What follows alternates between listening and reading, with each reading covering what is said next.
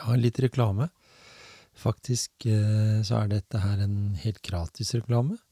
Eh, og vi kommer til å trekke ut tre heldige vinnere som får eh, følgende ting. En, et turcruise med motivasjonspreik-logoen på. En caps og et pannebånd fra Bjørn Dæhlie. Og sist, men ikke minst, ett års medlemskap i Den norske turistforeningen. For når det gjelder motivasjonspreik og ting vi er opptatt av, så liker vi jo at folk bruker naturen. At folk tar seg en tur ut og, og slår seg løs, og kanskje tar en treningsøkt også. Så bli med. Del episodene våre. Eh, og kommenter hvor du helst skulle ønske du kunne dra til. Eller et sted som, er, eh, som du har vært, og som du gjerne vil dra igjen. Kommenter det på Facebook-gruppa vår, Motivasjonspreik, og så deler du episodene våre, så er du med i trekninga. Trekninga er 1. mai. Lykke til! Ja, så er vi i gang med en ny episode i podkasten Motivasjonspreik. I dag har vi som alltid en spennende gjest på besøk, og vi kommer garantert til å snakke om hans motivasjon og hva som kan motivere deg. Velkommen til Motivasjonspreik.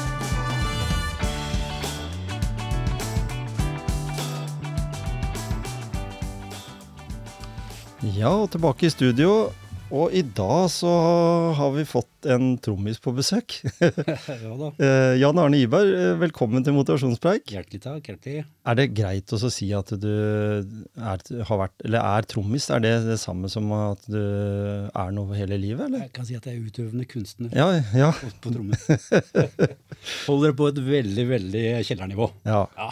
Men uh, musikken er viktig. Men, men er det, jeg tenker sånn Ja, han guttungen, han vil spille trommer, ja. Eh, mm. det, det blir mye lyd. Har det vært der, eller? For du har jo spilt en type musikk i perioder som har laga mye lyd. Heldigvis så kom jeg fra et musikalsk hjem. Ikke sant? Ganske musikalsk hjem hvor begge mine foreldre har spilt trommer. Så det var jo liksom det jeg skulle bli. Ja, Så jeg begynte å spille trommer i Klosterskogen skolemusikk. ikke sant? Ja, For faren din også har vært eh, i korps. Ja, han spiller faktisk i speidermusikken en dag i Ja, dag. ja, ikke sant? Og han spiller susafon.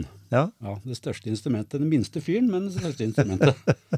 Og du er jo fortsatt med, eller? I sånn som speidermusikken Jeg er med for å fylle ut rekkene ja, og Ja. holde tempoet nede. Mhm. ja. Så, for det er jo, eh, som det er i hele landet ellers, eh, mangel på ja, eh, korpsmusikere som vil den gamle gå i gata. Ikke sant? De sliter litt, og da stiller jeg opp. Ja. Det er positivt. Ja. Og så syns jeg det er moro å ta på meg uniform og gå i gata og hilse på alle kjente. Ja.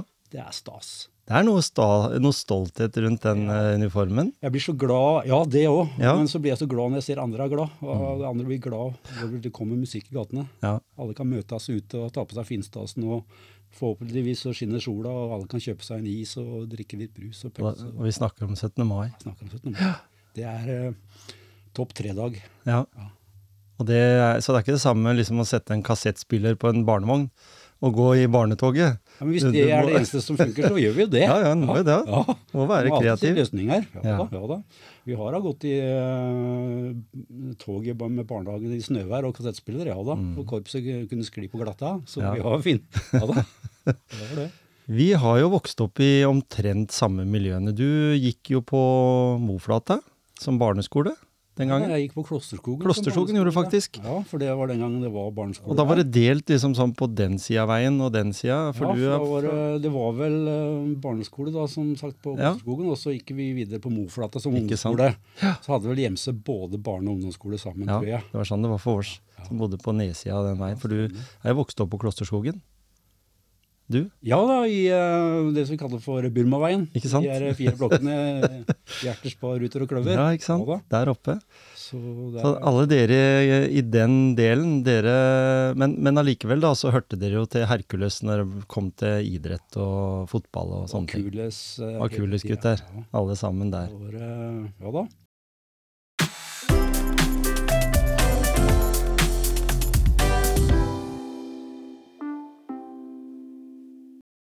Mange timer Ja. da på Kules. Mhm. Vi, du spilte fotball, og du, den gangen vi eh, vokste opp, så For du er 66-modell, er du ikke det? Stemmer, stemmer. Eh, da var det sånn at det var delt sånn midt på året. Så jeg var født i mai, liksom, så jeg spilte jo liksom da på Det var noe med oh, ja. at du Da blei du for liten til å spille på førstelaget. Jeg husker at dere gutta som oh, ja. var ett år eldre, du, Ja. du spilte jo med Terje og Magne og den gjengen der, ikke sant? Det. Og, jeg var da. Mai-gutt, så jeg, hadde jeg vært født i august, så hadde Ja. jeg spilt med de som jeg egentlig Var det sånne regler, altså? Ja, ja. Det var sånn den gangen. jeg er aldri klar over. jeg trodde bare jeg var god, jeg fikk ikke spørre på Ja, ikke sant? Nei da, det var, eh, det var sånn det var, og de var som regel alderrelatert til det, vet du, når vi var sju-åtte år gamle. Ja. Og så utvida det jo seg etter hvert. Men du Vi begynte på miniputt, gjorde vi ikke det? Jo. Ja. Miniput, el, miniput elverlag og stor bane. Så stakkars den eh, som sto i mål, Ja. sier jeg. Den lille, lille spirrevippen som sto der i en uh, syvåring som sto i det svære målet. Ja, det jo da. Skal ha trampoline, vet du. Keeperne skal ha lov til å ha trampoline. Ikke sant? Jeg tenker at uh, Men allikevel, du dreiv jo med skihopping?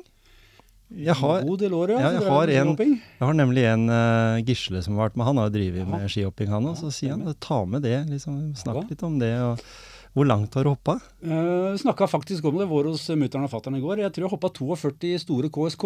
Ja. Ja. Det, Men jeg landa på sletta i den mellomste, da. Ja. Da tok vi jo fart eh, så langt Jeg hoppa, jeg husker jeg eh, Vi snakka om det i går, det var moro. Da satt latteren løst. Da. Tok fart langt opp i skauen og hoppa inn i overrennet i mellomsted. ja, det husker jeg. Ja, og der var det den, Jeg elsker å hoppe i bakken, for det var så lang kul. Hadde sånn kjempehøyd over kulen. Mm. Og når jeg skjønte at jeg ville lande på midtsirkelen på hovedbanen, da, da, da, da, da slo jeg ut flapsa, og så landa jeg på Ja, noen og 30 meter der.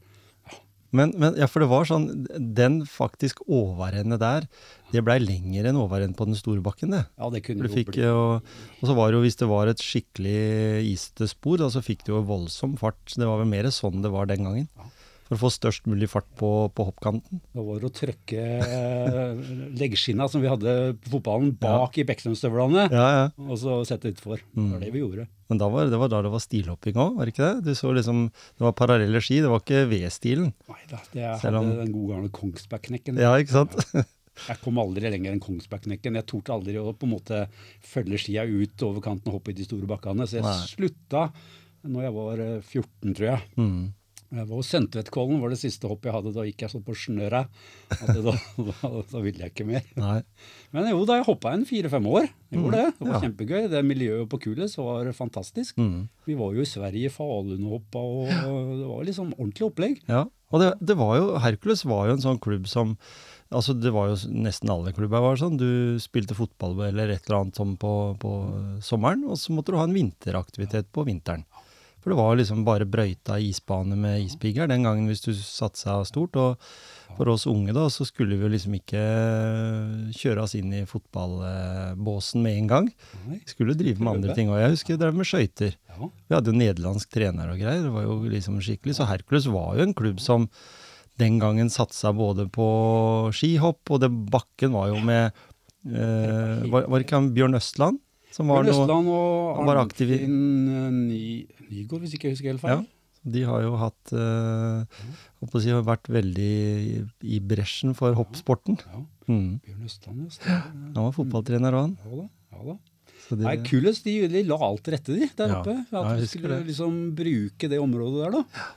Det ligger der jo den dag i dag. Jeg ser det er Mm. mange som bruker fortsatt med på litt andre premisser da, enn det vi gjorde. ja. Ja.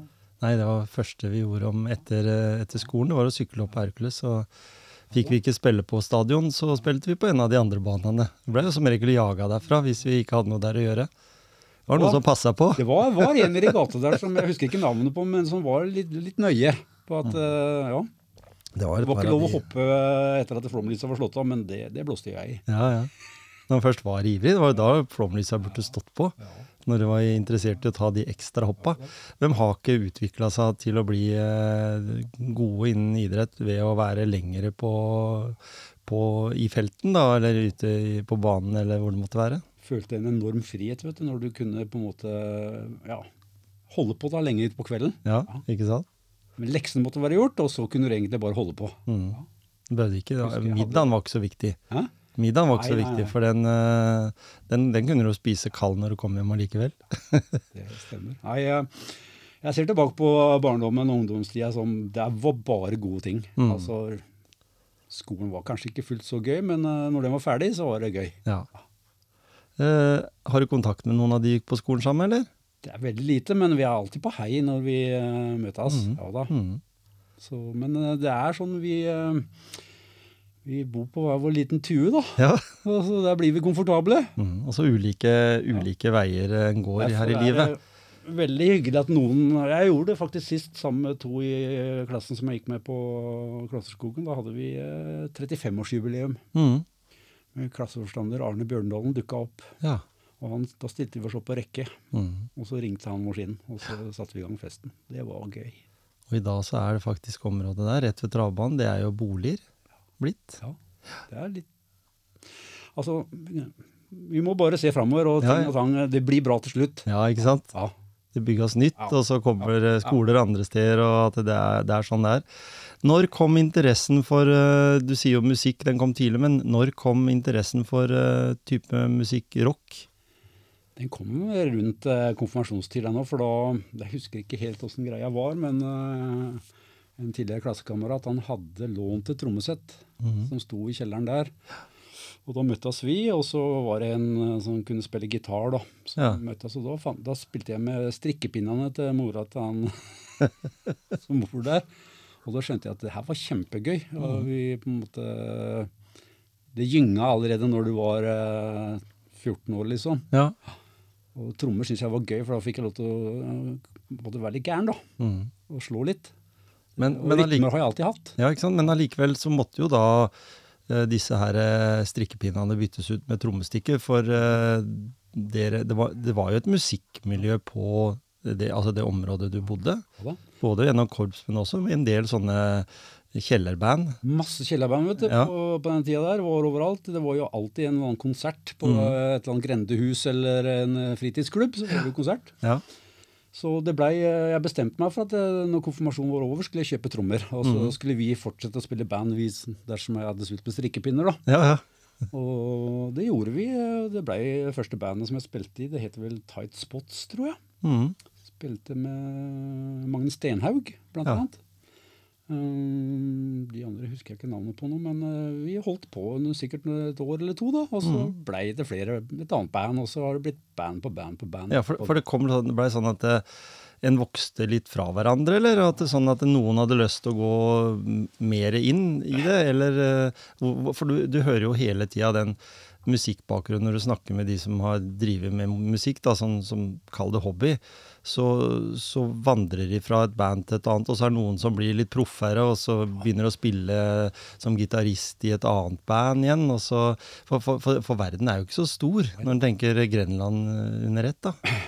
Vi blei jo en sånn, vi som, var, vi som likte rock, da, vi, vi skilte oss jo litt ut allerede på, på ungdomsskolen. Tidlig på ungdomsskolen, og da blei vi liksom den klikken eller gjengen. Da kan de som sto på hjørnet der og prata musikk mens de andre sprakka fotball eller hva de nå gjorde i friminutta. Ja, ja. Da var vi ti stykker, da, så ble det tre band ut av det. vet du. Mhm. Og spilte jeg trommer i det ene bandet, og så spilte jeg gitar i det andre bandet, og kanskje sang i det tredje bandet. ja. Og så var det noen som fasa ut, og så kom det nye inn. Og så Mm. har det liksom egentlig bare sånn blitt at du er med i kanskje flere band, da. Ja. Og så plutselig så er du 16, og så har du, strekker ikke tida til. så Da må du kanskje ha to band. Ja. Og så kanskje må du bare ha ett band etterpå der. Men, men, var, men var, det sånn, var det den type rock som vi tenker sånn som eh, litt den mørke rocken, eller var det den Grease?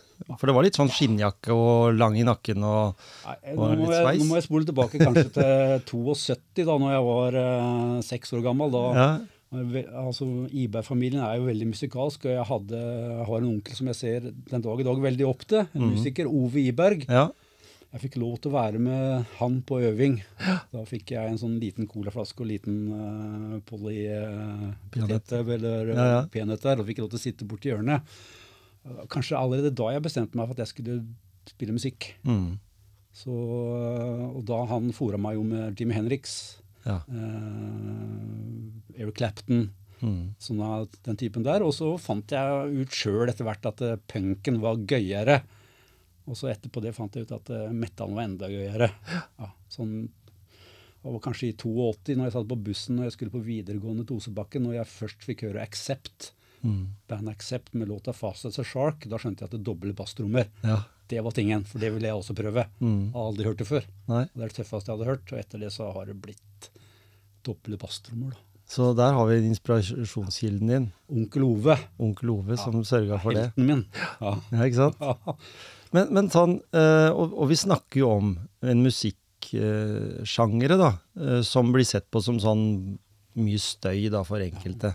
Men det er jo som du sier, det er jo den derre musikalske Det er liksom litt sånn som at eh, en maler, da, han kan fint male figurative ting og, og sånn, men så liker han å male som Picasso, ikke sant? Fordi en, egentlig så er de flinke musikere. Når du kan spille trommesett som er eh, langt over det som er vanlig, eller gitarister f.eks. Når du sier Eric Clapton og Jimmy Hendrix, så, så var det jo utrolig dyktige gitarister òg. Altså, de kunne traktere instrumenter. Det var ikke bare noe sånn eh, at eh, Se, her har du en gitar, lag så mye bråk du kan.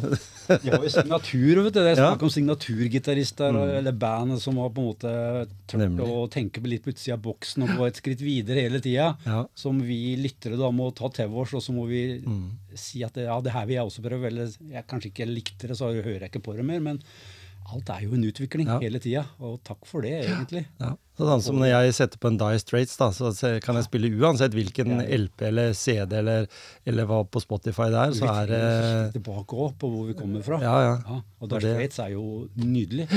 Hvis jeg kan få høre Brothers in Darn', så Ja, ja. reiser jo Det er min signaturlåt. Jeg har sagt det. Hvis jeg, hvis jeg skal spille av en sang eh, den dagen jeg ligger i kista, så, så er det den. Ja, akkurat den låta skal nok ikke spilles i min. Nei, Nei. Da skal jeg spille 'Comfortably Numb' ikke sant? Pink Floyd. Ja. ja, ikke sant. Men der har du jo Pink Floyd også. Jeg husker jo en av mine største opplevelser var jo når jeg eh, blei snike inn på The Wall, som gikk på kino. Ja. For jeg var jo ikke akkurat eh, sikkert ikke gammel nok eller noe. Jeg husker i hvert fall at det var et par eldre gutter i gata her som, som blei med. Hvilket årstall var det? Eh, skal vi se 78 eller noe? Ja, for det kommer vel i 79? Ja, plata. 78-79 var den filmen. Så husker jeg det var stort å se liksom noen som gikk litt utafor boksen. Ja. Akkurat det, fordi det var jo sånn på den tida der, Og var Den kan gjøre mye rart med barnehjerne, den filmen Ikke der, tror jeg. Ja. Vi var nok litt for unge til å skjønne det, men jeg, jeg i hvert fall fikk den der opplevelsen av, av det med musikken, og det, det, det var jo en ålreit film, men som satte ting litt Det blei jo litt forbudt i England for, også, fordi den tok for seg liksom skolevesenet der. Og, og jeg har jo vært av den innstillingen hele tida at skolen er jo på 50-tallet fortsatt, så det har jo ikke endra seg noe. Sånn, noen, Ja, ja, ja. noen ting. Sånn, I hvert fall i, i, det, i det bunn og grunn-systemet. Hadde det vært mye mer mennesker som deg og meg som ser litt framover, og lærere som har de innovative måtene å tenke på. Jeg tror verken du eller jeg eh, var særlig, særlig sånn fordypende i boka på skolen, men vi kunne lært det i naturen, hvis jeg tenker sånn, da. Ja da, det er eh, mange måter å lære på, men den gangen, eh, og kanskje den dag i dag, så er det, det er så Pensum. det er så, det er så smalt. Det er så, pensum. ja, du skal bare framover og framover, framover, uten å kanskje kikke etter kvaliteter, da. Ikke sant? Ja. Vi snakker om rock, og vi snakker om Som veldig mange kjenner deg. Eh, vi skal, vi skal, før vi tar det med 1001 watt, så skal Ja. vi ta dette her med at eh, slik jeg så ser, i hvert fall, det, det jeg fant om deg, det var at eh, det starta med Rat Salad i 1985. Da spilte Ja, det en var det kassett. første, kall det for seriøse band. Ja, ikke sant? Da. Ja, med Mm. kassett og greier. Ja. Ja. Da, ja da. For da skulle vi bli rockestjerner. Dere solgte jo bra. Dere solgte jo det første, i hvert fall. Ja. Så det, den gikk unna. 500 kassetter var ikke så vanskelig å selge i 1985, vet du. Nei, ikke sant? Nei. Når vi tok eh, ti kroner stykket eller noe sånt. Ja. Ja. Men det var helt Det annet eh, det var, eh, Folk hadde en helt annen tilnærming eller eierskap til musikken den gangen de har nå. Mm. For eh, nå er, nå er det sånn bruk og kast-mentalitet, som jeg sier, da. Ja. Dessverre. Eh, Men eh, den gangen så var det liksom Da, venta folk på noe Mm. Så skulle bli ferdig. Du måtte faktisk vente på det til å ha det fysiske produktet i hylla di. Ja. Og da ville folk ha det. Mm. Og da kjøpte de det. I dag så kommer det 40 000 låter ut på Spotify hver dag. Ja. Så det er litt annen eh, Den gangen så venta folk på den kassetten. Ja. Og så hvis det var noen som hadde platespiller, så var jo det helt sinnssykt rått. Hvis du dem opp utafor lommerommet sitt ja, to timer før de åpna når det kom ut noe nytt. ja. Fikk de inn liksom kanskje 200 plater, da. Mm. Skulle sikre deg én eller kanskje to av de. Har du samla litt på plater, eller? Jeg samla en del på plater før, men jeg har slutta med det nå. For Ja. det, um, nå ligger jo alt på Spotify. Men jeg Ja. kjøper det jeg må ha. Mm. De gamle Samleobjektene. Ja. Og jeg er sånn, jeg er sånn, jeg husker jo den gangen, som du sier, Lommerud. Eh, Jeg hadde med to plater og bytta de i én og betalt litt. Fordi det var sånn at eh, de to gamle der, de hadde jeg hørt så mye på at nå vil jeg jeg vil ha den siste nye singelen, bare. Så bytta du to-tre singler mot en, og de, han var jo veldig grei. eh, Det var jo sånn vi der. lærte vårs gjenbruk, det. Ja, ikke Ja. sant? Tidlig på, akkurat når det gjaldt Så musikk. Jeg blir veldig glad jeg, når jeg kan se en gjenbruksbutikk og gå ned og så bla litt i gamle Donald-blader eller Sølvpilen eller uh, gamle kassetter eller se gammel Brakara med Jahn Teigen f.eks. Ja, ja. Gøyalt. Kjempegøy. Og så blei det etter hvert uh, Lazy Jones. Skal vi se, vi hadde Tommy og Tigerne. Ja. Ja da, vi tar, eh, tar Det er liksom litt av det. Det er grovt. Og så i 1992 så hadde dere jo Var det et sånt viktig år for det? Da spilte dere jo faktisk Sto på scenen med ganske så kjente band på den tida. Var det da vi spilte med Stage Dolls, tror du? Mm. Og Go Go Gorilla, kanskje? Ja, Det var i 92. ja det stemmer det. Vi, eh, vi blei vel enige om å satse på å spille litt for å tjene penger til å gi ut en CD. Mm. Ja. Som kom etter hvert. Ja. så da, da måtte vi på en måte mm, drive litt merkevarebygging, da. Mm. Jo- Det er jo ikke hvem som helst som får spille med de, fordi de, det, Stage Dolls var jo et stort band på 90-tallet. Men jeg har aldri vært redd for å ta en telefon Nei? for å, for å høre om det er mulig. Mm. Og alle lokale band de kan dra en 10-20 ekstra folk. Ja. Så det blei vel til at det blei sånn, da. Plutselig at jeg kjente noen som jobb, gikk på skole oppe i Bø, som kunne ordne oss spillejobber på kroa og, sånne ting, liksom. Så jeg tok, brukte alle kontaktene som var verdt mm. for å få til de spillejobbene. Men når, du- når du er modig på den måten, det er derfor jeg liksom tenkte at det er greit å ta med det, så kommer vi inn i da 1001 watt. Ja. Eller sånn som mange som jeg sier, som jeg snakka med da i forhold til det, så sier jeg jeg savner så den 1001 rock-festivalen som var. Ja. Men, men det var jo på en måte litt det du sier der med at tørre å ta den telefonen, tørre å snakke med den. For du, du hadde jo ikke bare lokale kjellerband med der, men du hadde jo også ganske bra eh, liste over I hvert fall innenfor den Det var jo det Stein på stein-prosjektet mitt som jeg så på meg skulle vare kanskje livet ut. Ja, denne festivalen der, da. Men øh, det gikk øh, Ja, vi bor i en liten by som mm. ligger dessverre midt imellom et par andre litt større byer. Ja. Så det var liksom sånn, ble en sånn konkurranse. Men øh, det var jo det at jeg hadde lyst til å samle rockefolket til en, en happening i året, da, hvor det bare var vårs. ja. Som vi kunne være oss sjøl. For det var nok av andre tilbud på konserter som det ble mer sånn sammensuring av mange forskjellige musikkstiler. Mm. Men eh, liksom rocken, den, eh, den hadde liksom ikke noe eget. Nei. Derfor tenkte jeg jeg prøver, i Mm. 99 eller når det var. Ja. Og det gikk jo kjempebra i 99. Og hadde jo lyst til å fortsette, og så gikk det ikke fullt så bra i 2000. Men uh, lærer så lenge en lever. ja. Så må du kanskje ta en pause, og så går den på igjen. Mm. Men for, for sånn, sånn for, for å gå litt nærmere i det, da, var det sånn at du på en måte påtok deg litt for mye? Følte du sjøl? Ja, jeg tror nok steget fra 99 til 2000 ble litt for stort. Ja. Ja. Tenkte du at nå skulle det bli enda større, eller, altså, hadde- eller utvikle det til å bli et uh, For, for du får litt ambisjoner. Ja, jo Ambisjonen det. var jo så bra når jeg gikk hjem og hadde lommeboka full. Ja. Den i 99 der, så tenkte Mm. jeg at jøss, er det så enkelt? Men det var jo ikke det. Nei. Nei. Så jeg måtte liksom uh, gå ti skritt fram for å skjønne at jeg måtte egentlig bare gå ett skritt. Mm. Så jeg tapte mye i 2000 personlig økonomi, så Ja. da ble det mindre i 2001. Og ja, så har det egentlig vært, som jeg sa til deg i stad, de telefonene Jeg må spørre folk Mm. om, eh, ja, om jeg kan gjøre sånn eller slik. Ja. Ja, for jeg lærte veldig mye på, i hvert fall eh, når det gjelder å arrangere da, på de to åra der. Mm. De tre åra der lærte jeg veldig mye. Det var en bratt læringskurve. Og så, så, ja, så kom det andre ting inn i 2003 som jeg kanskje ikke skal gå inn på, men uh, lyst til å komme tilbake ja. etter hvert. Men, men allikevel så er det jo sånn at det, det er jo en referanse Altså 1001 watt er jo en referanse for den sjangeren musikk som fortsatt mange sitter og savner og leser om at nå når vi har sosiale medier, at å, kommer ikke en konsert fra Jan Arne og, og, og den 1001 watt-greia, liksom. Så, så, så du fikk jo et varemerke bygde jo opp eh, et varemerke på, på, den tida der. Og festivalen i 2016 var veldig, veldig veldig bra. Det mm. var mm. top notch, egentlig. Ja. Internasjonal festival. Ikke sant? Men det var allikevel bare jeg og samboeren som ja. styrte butikken. Og det, når det blir altfor mye juss, så detter jeg litt ut. Mm. For uh, jeg syns rock and roll fortsatt skal være pizza og. Mm. Pizza og øl. Pizza og øl. Ja. ja, ikke sant? Så det blei liksom så mange andre når, du, når vi det, det, skjønte vi allerede i 2013, så tok vi faktisk og gikk gjennom om vi skulle fortsette. Mm. For da, hvis 1000 watt skulle på en måte bli litt bedre, så måtte vi eh, booke utenlandske band. Ja. Og da ble det engelsk. Mm. Og kanskje noen ganger måtte vi snakke litt tysk. Og, og da ble det veldig mye sånn kontraktlesning. Mm. Veldig tungt å få ting tang på plass. Ja. Men vi tenkte at hvis vi får med noen eh, sponsorer og andre folk som kan bidra litt på dugnadssida mm. Og så tok det jo helt av. Ja. På, I hvert fall på dugnadssida. Da kom så mange mennesker inn som skulle hjelpe til, at jeg tenkte jøss, det her er jo bare fett. Mm. Så da gønna vi på i fire år til, liksom. 13, 14, 15 og 16.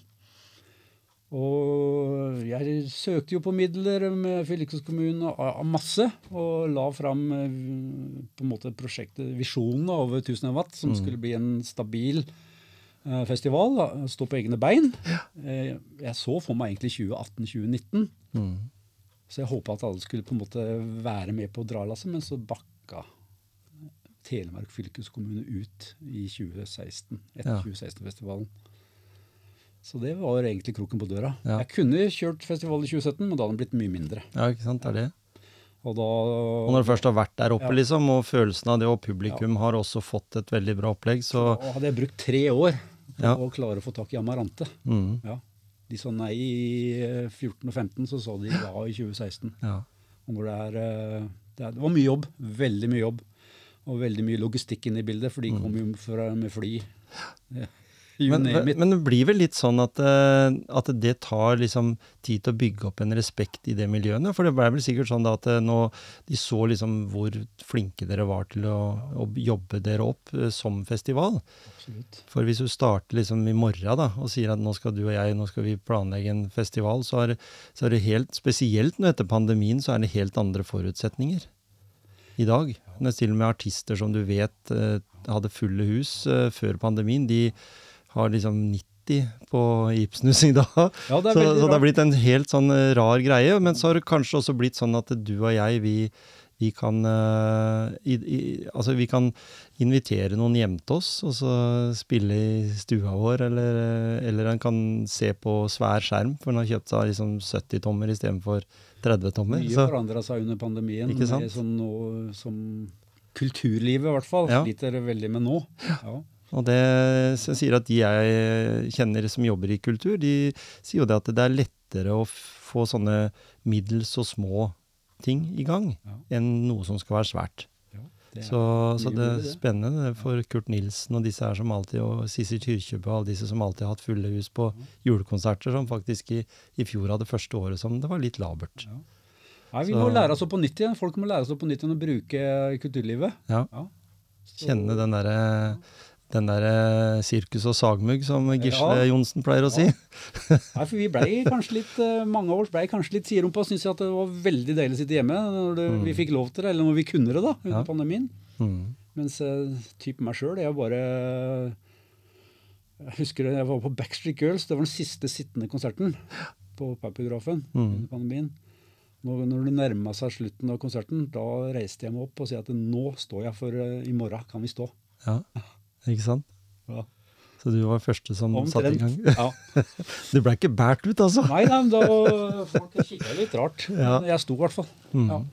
Og jeg gleda meg så, for det første jeg skulle gjøre, var å bruke livet rundt meg. Ja. Så, så få tilbake livet mitt. Mm.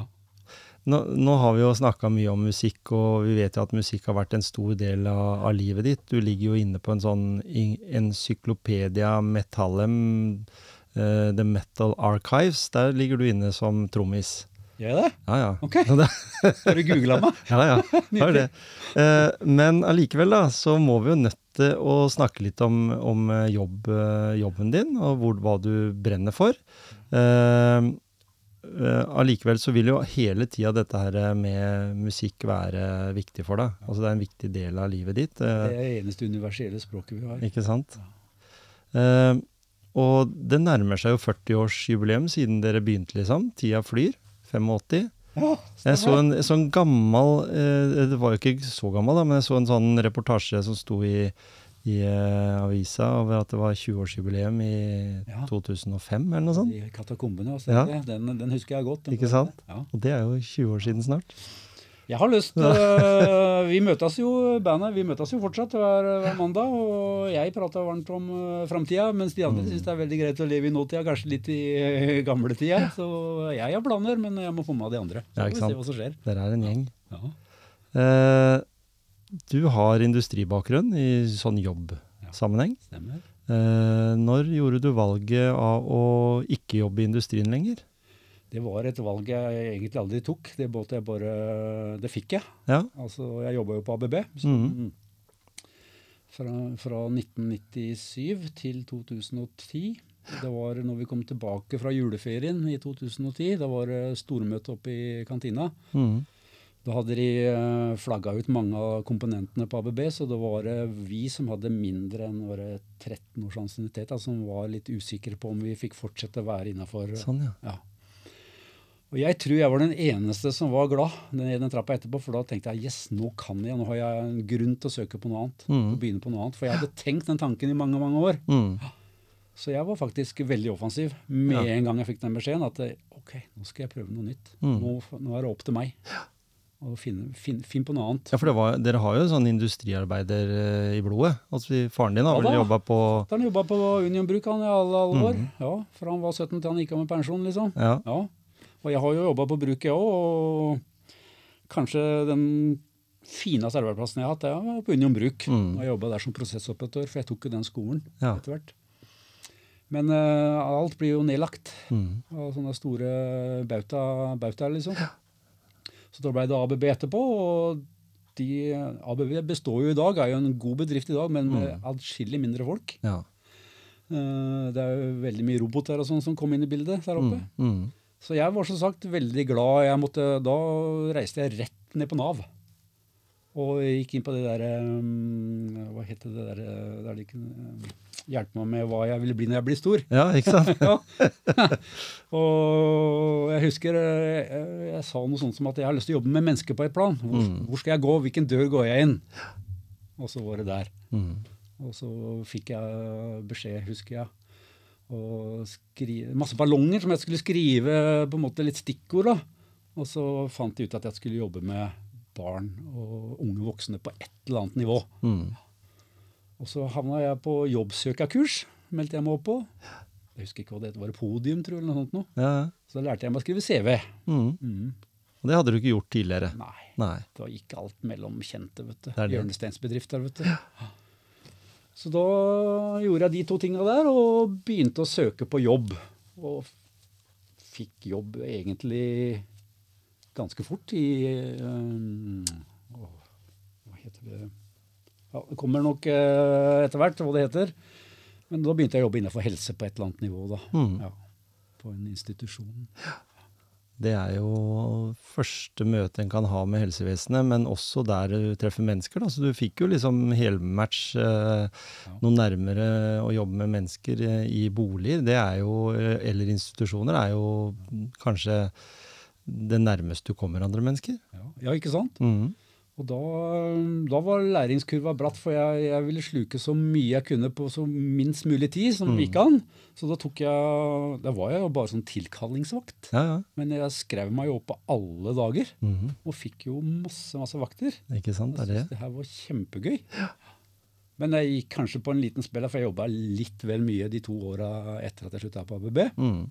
Og tok meg en liten pause, men uh, savna det ganske fort igjen. Så søkte videre, og ja, så har du egentlig gått sånn stein på stein, og så sitter jeg i dag med masse, masse fast jobb. Ikke sant? Det er, og, og, det som du sier der med det å påta seg for mye, det var jo gleden i det å gå på jobb som gjorde at du på en måte tok på deg så mye òg, er det ikke sånn? det? Jeg var, var veldig ikke... nysgjerrig ja. på det faget helsefaget mm. kan by på. da. Veldig nysgjerrig med, med rammer og betingelser og alt med mm. seg, liksom. Mm. Og så selvfølgelig folka som, som var innafor de rammene da, som vi skulle være sammen med. Hva slags folk som var der. Og da skjønte jeg at her, jeg, her kan jeg faktisk bidra med noe. Mm. Jeg kom lett i posisjon, eh, lett eh, fikk relasjon, sånne ting. Så jeg syntes det var kjempegøy. For det var kjempetungt til tider. Så mm. syns jeg det var verdt å bruke meg sjøl så, så, mye. Ja, for, for, når du kommer i en sånn situasjon der du uh, også skal være jeg vil jo si at du er en inspirasjonskilde for noen, da, for det er mennesker som kanskje ikke har hatt det så enkelt i livet. Eller så er det andre som har et handikap eller noe innen psykiatrien. Mm. Eh, kanskje født med en diagnose. Mm. Eh, og så har du med deg din bagasje, mm. det du har på en måte erfart gjennom livet, ja, det mener jo jeg er beste, det beste grunnlaget for å bli en god. Helsearbeider, sånn i utgangspunktet, fordi du kan dele av det her eh, hornet. Ja, ja. Oppi der så ligger det veldig mye, eller den sekken så ligger det veldig mye som, som kan eh, bare brukes. Du kan bruke det også for din egen motivasjon. Siden vi er i motivasjonspreik, så er det jo greit også å tenke at uh, det er jo noe som på en måte motiverte deg til å ville jobbe med mennesker. Eh, Den har nok ligget latent eh, siden jeg var født, tror sant, jeg. Ikke sant? For uh, jeg var ikke gamle knøtten oppe i blokka jeg når jeg arrangerte langrennkonkurranser og hoppkonkurranser. Ja. og ringte på naboen om vi skulle bygge den største snømannen og sånne ting. Så jeg mm. samla alltid folk. Ja rundt meg at vi kunne gjøre noe sammen. Mm. Og alltid det å få til noe sammen, det å diskutere, det å krangle, det å bli enig til slutt. Mm. Mm. Sånne ting. Det er jeg alltid brent for. Det har alltid ligget der. Og da er det ikke noe bedre arena enn å jobbe innenfor helse, når du, når du, egentlig er støpt i den skåla. Mm. Ja. Men hva er det som gjør da at du i 2010, mener jeg det var, så setter du i gang med en eh, konsert for kreftsyk. Ja, det stemmer. Det stemmer. Når, når, du får et sånt engasjement, du jobber i Da, da, da hadde du nett begynt å jobbe i helse? Ja, da, Bufetat begynte jeg å jobbe i. Ja, ikke sant? Det, det var ja, Bufetat. Nå kom det til meg. Stemmer.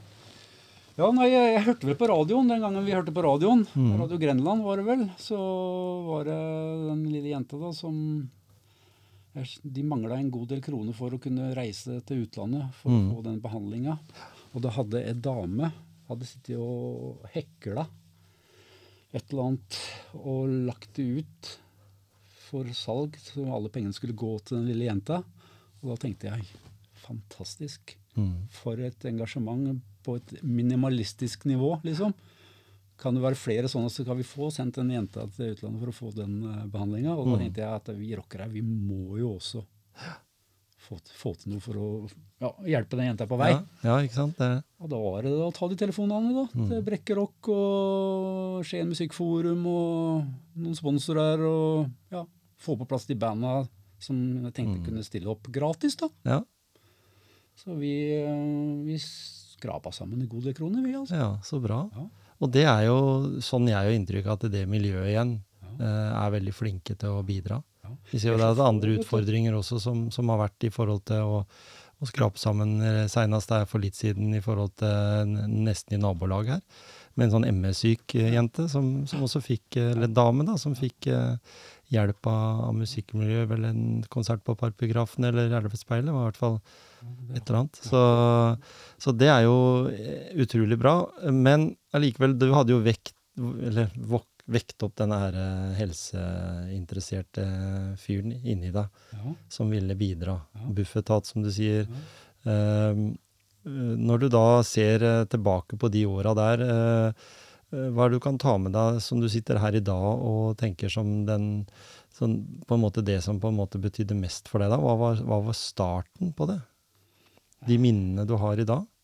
Starten var eh, at jeg føler at eh, med sånn som jeg er som person, da, så kan jeg på en måte bidra til kanskje å løse opp litt floker som er vanskelig å prate om. Mm. For, eh, det var i hvert fall mitt inntrykk når jeg kom i kontakt med yrket for første gang. da, at Mm. jeg var jo ikke noe proff på noen som helst måte. Jeg var jo bare meg sjøl Mm. med mine feil og mangler, som jeg tok med meg inn i egentlig den bransjen der.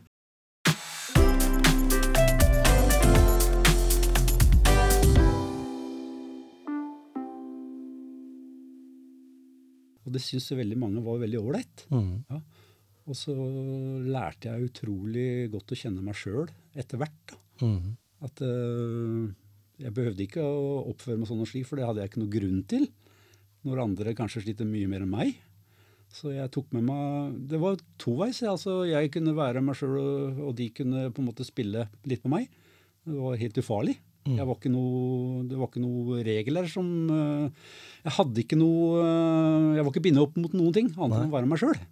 Det var veldig deilig. Og, det var den, og det var den personen helsevesenet ville ha òg. Ja, det tror jeg. Ja. Derfor er jeg der nå tolv år etterpå, liksom. Mm. Ja. Med, med altfor mye jobb, ja. egentlig. Og bare gape over. Og alle vet jo at du er en arbeidskapasitet i forhold til det du har gjort opp gjennom, opp gjennom livet, men nå får du på en måte kanskje en, en uh, anerkjennelse på en annen måte. Når du gjør den jobben du gjør i dag. Jeg syns nordmenn er fortsatt er litt for flinke til å skryte av hverandre. Mm. Anerkjennelse det får jeg i og med at uh, jeg får jobben, men jeg, er, og jeg hører også at jeg gjør en god jobb. Mm. Men uh, jeg, jeg tror jeg skryter mer av andre enn andre skryter av meg. Ja, sånn. Mm. Mm. Det sitter litt langt inne noen ganger. Ja, jeg tror vi uh, Men er klapp på skuldra, et, uh, en, en sånn at, det, at den gjør det, liksom. Men, og, og at helsearbeidere har fått mye positivt nå i forhold til vi har vært igjennom en pandemi og sånn, og mange hensyn å ta. Men, men jeg er jo av den oppfatning at uh, hvis du finner først drømmejobben din, Ja. sånn vil jeg jobbe, Ja. så kan du gå gjennom ild og vann. Ja. Fordi det er det du på en måte vet. Og, og um, en vet jo aldri Tenker du det at hvis en går tilbake og sier at en yngre person da, som sitter der i startgropa og tenker at eh, hva har jeg lyst til å jobbe med, så er det jo egentlig, som jeg pleier å si til mange, det er at det, det er så utrolig mange veier innen det å jobbe med mennesker. Mhm. Sånn som du gjør. Du tar med noen på tur. Mm. Du eh, jobber i bolig. Du, altså, du har mange Mhm. ting å, å spille på. Mhm. Eh, men alltid, eh, på alle områdene, så treffer du mennesker, som du sier. Mhm. Når du tok det valget, så, så, så, så må du jo være litt eh, ekstrovert som menneske òg. Du kan ikke være introvert og pakke deg inn i det mørke Du må kunne vise alle sider av deg sjøl Ja, ikke sant? for at du skal oppnå en eh, relasjon. Mm. Så når vi, vi snakker da om rockeren eh, Jan Arne Iberg, så kan han gråte litt òg, eller? Vet du hva, det, det, det gjør jeg titt og ofte, faktisk. Ja. Eh, Jeg prøver å gjøre det i skjul, men det hender at eh, hjemme så Jeg har en 15-åring, han sitter og kikker på meg. 'Pappa, gråter du?' Ja. Og så gjør jeg det, da. Ja, for vi har, blitt, vi har blitt sånn at eh, når Norge tar gull i idrett, og, og du hører nasjonalsangen, og sånn som du sier det der med 17. mai Jeg vil si at det, noen sånne ting de griper mer rundt hjerterøttene i dag. enn jeg kan jo se en film jeg som, som jeg syns var litt klein å se på når jeg var yngre, men som jeg ser nå, som jeg tenker at faen, jeg får tårer i øynene av avslutninga, liksom. liksom. De to bikkjene som går aleine på veien, eller, eller de to to ja. menneskene som, som treffer hverandre på slutten, at det er en sånn sentimental greie. For jeg kobler jo nemlig til de blikka og de menneskene jeg møter i min jobb, da, Ja. som også er i helse, liksom, som, som du ser at det der ser jeg det glimtet, der har jeg det mennesket, der har jeg den settingen. Ja, ja. Sånn er jeg, da. Og så tar jeg med det inn i den, så plutselig så ser jeg en film, og så tenker jeg fader, det er den settinga der har jo jeg vært i mange ganger. ja, ja, ja. Jeg vet ikke åssen du tenker på det. Nei, men jeg, jeg bare er øh, Du skal øh, Jeg tror det er enklere å få hverdagen til å være fin hvis du kan være 100% ærlig og vise uttrykka dine. Mm. Om det så er å gråte eller om det er å bli streng, Ja. så, så tror jeg du, øh, du puster lettere Mm. hvis du tør å gjøre det. Ikke stenge noe inne. Mm. Og så ta med deg alle erfaringene dine og ja, Sånn på veien. spille på det. Men, men når vi snakker om eh, Altså, jobben din har jo gjort at du har hatt behov for å, å bruke Guds frie natur, hvis vi skal kalle det det. Ja. Eh, men eh, det å komme ut på tur, det har blitt en sånn ny greie for deg. Jeg mener tilbake igjen litt i tid, så, så begynte du å skrive litt om at du gikk litt eh, motbakker, og du liksom sånn for å Var det for litt for å komme i bedre form òg, eller? Fordi Ja, eh, i og med at jeg syns jobben er så gøy som mm. jeg syns, eh, så må jeg Så fant jeg ut at jeg For å holde tritt med ungdommen mm, og kunne jobbe så lenge jeg kan, så må jeg være, komme meg i litt bedre form. Ja. Ja. Jeg har alltid likt å bevege meg og sparke litt fotball og sånn, men eh, liksom ikke blitt over time, timer, liksom. Nei? Og når jeg da kan være på jobb i tolv timer og ute på tur i tolv timer, Mm, så må jeg faktisk ha litt grunnlag. ja. Så jeg bestemte meg for å ta noen små, enkle grep, ja. ja. Uh, Litt intervalltrening og ja, litt utholdenhetstrening og litt styrke og sånn. Det gikk det til Værløs òg? Ja da. Ja. Det, målet mitt er å fortsette med det i år, men jeg, jeg tråkka så i gledens over i fjor, så jeg har slitt litt med anklene enda. Ikke sant? Jeg satt jo med beinet én time ute i Visteinkjennet for å få ned hevelsen før jeg kunne løpe videre Ja. i fjor. Så, men ja da, jeg eh, Motivasjonen min er for at jeg skal ha det like gøy på jobb, Mm, så må jeg ut og løpe. Men så har løpinga eller styrke alltid alt det også blitt gøy. mm, Så jeg blir motivert av meg sjøl for at jeg gleder meg til i morgen jeg skal ut og løpe. ja, ikke sant?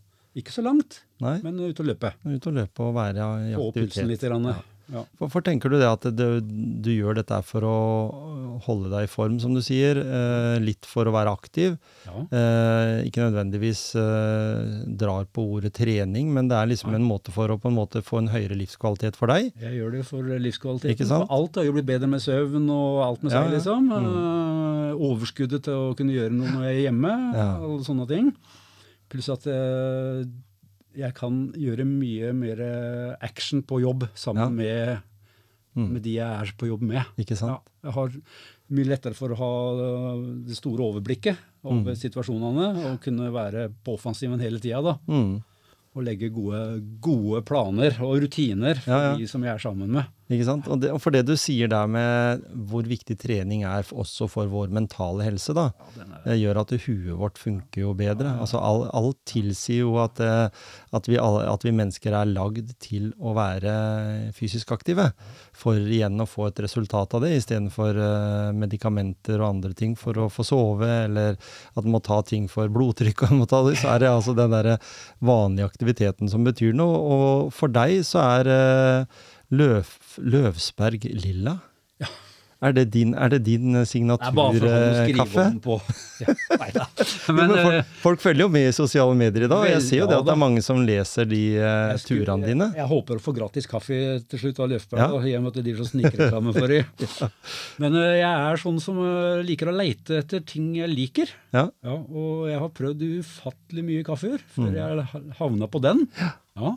Som er, eh, Den skal ikke støve for mye i, eh, i kverna hjemme Nei, nei. og sånne ting, da, og ikke være for dyr på butikken. Nei? For jeg drikker en del kaffe. Mm. Ja, Jeg har jo med meg opptil fire termoser hver dag på tur. Ja. Ja.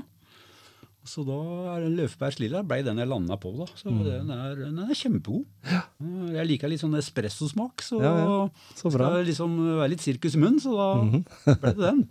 Så bra. Og det, og det er jo liksom på en måte, Hvis en sier at det er et lite varemerke, da, så er det ditt lille varemerke når du er ute og, Ja.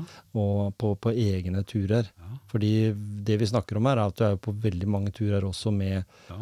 med brukere, da, eller med, med personer som du, du jobber tett med. Eh, Så du, du har på en måte lært de Sier du er oppe kjenner ikke sant? Du, både du og jeg er jo vokst opp der, rundt det vannet. Du bruker nærmiljø. Bruker Du reiser ikke langt for å få de, de hverdagsopplevelsene. Nei. Nei? Bruke nærmiljøet og så øh, lage noen hooks da, som jeg mener er viktig for de som jeg er på tur sammen med. At det Mm. er sånn gjenkjennelsesfaktor i alt det det skal være trygt og godt, liksom. Mm. Mm. At øh, men så kan jeg være gæren noen dager og så si at i dag har jeg med meg Ali-kaffe, og så snakker vi kanskje en halvtime om det, da. Ja, ja. Ok, ja. så gjør vi det, da. Men, men føler du at øh, de noen gang kommer bort til deg og så sier de, Jan Arne, det liksom er litt der, skal ikke prøve å reise dit, eller sånn, eller har du på en måte påvirka andre mennesker, sånn som du sier, det å jobbe med andre mennesker, er jo også en sånn påvirkning. Ja. Altså, de speiler jo ting. Ja altså, de, de ser deg oppi dette her, og, og du hører liksom hjemme der. Uh, tenker du noe på det? At det er en motivasjon for deg når du går hjem fra jobb den dagen? Og, Sånn som du så tidlig i spørsmålet her, da, altså det med å gi de valg Ja. til slutt. De må først lære seg at det heter Trolltoppen, Visteinkjenn og Ålekjern, for de har, ikke, de har ikke vært vant til å være på de plassene. nei? Nå har vi vært der kanskje tre-fire ganger, da, så kan jeg gi de Mm. tilbudet. Vil du være med på de plassene, så kan de velge. Ja. Og så går vi tre nye plasser, og så får de plutselig et stort kartotek sjøl. Mm. Så da kan, nå er det mer sjølstyrt at de har lyst, at jeg blir med de plassene, men de må være ute. Mm. Ja. Og, og, og i dag så er det jo sånn, eh, en stor del av livet vårt er jo, når en er yngre i hvert fall, skolen. Eh, utdanning, altså hele det løpet der. Jeg husker vi hadde en lærer på bar, vi har, Jeg gikk jo på Hjemsø, som vi nevnte her tidligere. Da gikk vi alle ni åra på samme skolen. Mm. Vi hadde, alle, vi hadde samme klasseforstander, som det het den gangen. Mm. Frøken eh, Solberg, hun hadde vårs i alle ni åra. Ja. Eh, og hun var sånn, hun hadde gått graden i Steinerskolen, tror jeg. Okay. Så det var liksom sånn, litt sånn spesielt å komme liksom fra Oslo og Steinerskolen og inn i, inn i Grenlandsskolen, Gjemsø. Gjemse. Men eh, hun tok med oss mye til det Jomfrudammen og travbanen og, og Visteinkjenna, og Ja. vi var mye ute på tur. Ja. Eh, spiste matpakka, for det var jo sånn, var vi hadde heldig, det, matpakka midt på, så vi tror jeg, i hvert fall så føler jeg at det, både kona mi og jeg, for vi gikk jo samme klasse, Ja. eh, har, har liksom tatt med oss det litt på veien. Ja. Og som jeg sier igjen da med din oppgave, føler du at du, du har en liten oppgave å gjøre i den jobben der? At du får, For det er ikke noe som sier at her har jeg en bok, det er det, Ja, ja, Jan Arne, det er det du skal følge. For det der har du på en måte satt i gang det prosjektet sjøl, ved å være liksom eh, aktiv med de menneskene. Altså, når, når de er ute med på tur, ser rammene, om det er på Åletjern, så sier jeg at ja, sånn, sånn som vi har det nå, kan vi ha det overalt i Grenland. For det er eh, muligheter overalt her vi er. Ja, vis meg, Ja. kan de si. Mm, Hvor drar vi neste gang? ja. Jeg var liksom tidlig i oppstarten når jeg var sammen med de. Så jeg tatt dem med på de korte turene. Og så nå kjenner de til Siljan, nå kjenner de til, til Tange fort i Langesund. Ja, ja. ikke sant? Som de aldri visste eksisterte, liksom. Nei. Og nå øh, har de kommet i en posisjon da, at de, nå kan de på en måte velge turer. Mm. Alt dette været, da. Mm. Så mm. Så jeg tenker at motivasjonen din, den kommer til å være du, du blir i helsebobla du til, til du går av som pensjonist. kan ikke se for meg noe annet nå, i hvert fall. Du har drømmejobben, og du har de områdene der som, Ja, ja. som passer perfekt for deg. Veldig bra. Eh, så har du noen sånne ting, tanker framover. Du skal eh, For det, for det musikkfokuset ditt, det slipper jo ikke taket, som du sa. Det, er jo, det er jeg jo, sitter jo i bunn og grunn i deg, i sjela di. Uh, Tons of Rock 2023, så det er en viktig happenings for deg. Det er liksom litt sånn 1001 watt, bare i noen som har, som har fortsatt. Ja. Jeg gleder meg alltid til å reise på store festivaler. Det blir ikke så mange av de, for det koster en del penger, men eh, da reiser jeg dit for å oppdage nye band. Ja. Ja. Mm. Jeg gleder meg til å se sånn som i år, eh, få med meg Pantera f.eks., Mm. som jeg aldri har sett før. Uh, og se Iggy Pop. Ja. Og kanskje se Ja, det er mange band som de kaller de for dinosaurene, da. Mm. Som jeg har sett eh, kanskje også noen ganger før. Men det er de småbandene som er borti det lille teltet, de, de vil jeg se. ja. For nå, nå er det jo så tilgjengelig som det ligger an på Spotify, så nå kan jeg høre meg opp. Mm.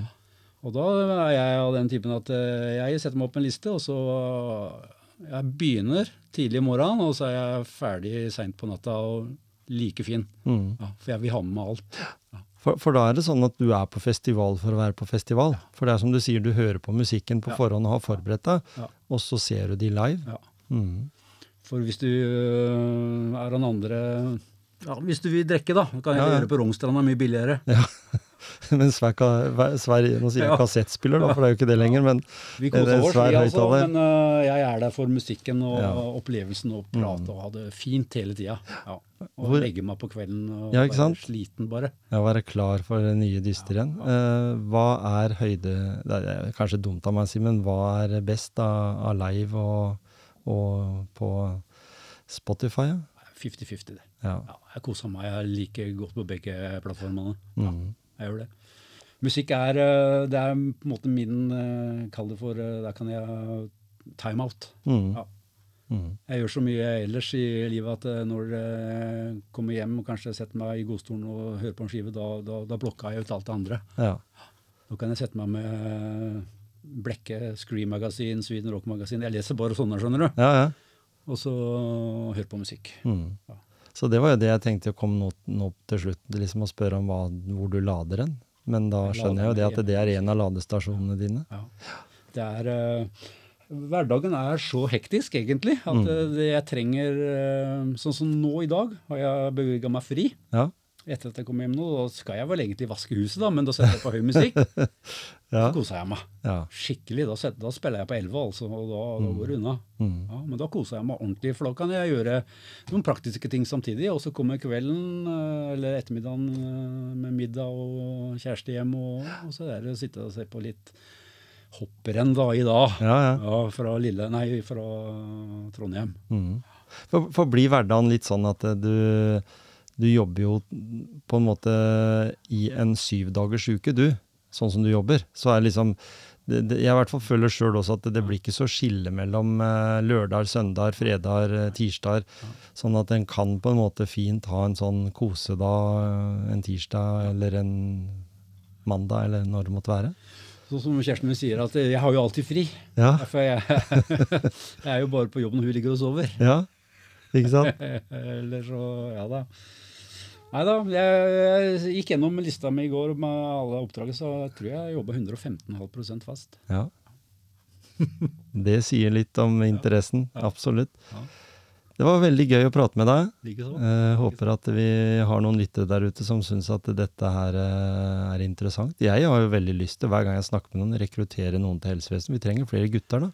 Trenger flere Det menn. trenger vi, det er helt sikkert. Mm, og det blir mer gøy for oss òg, som kan ha flere kolleger. Og Ikke det at jeg syns det er fantastisk å jobbe med damer, men enda bedre å jobbe med 50-50.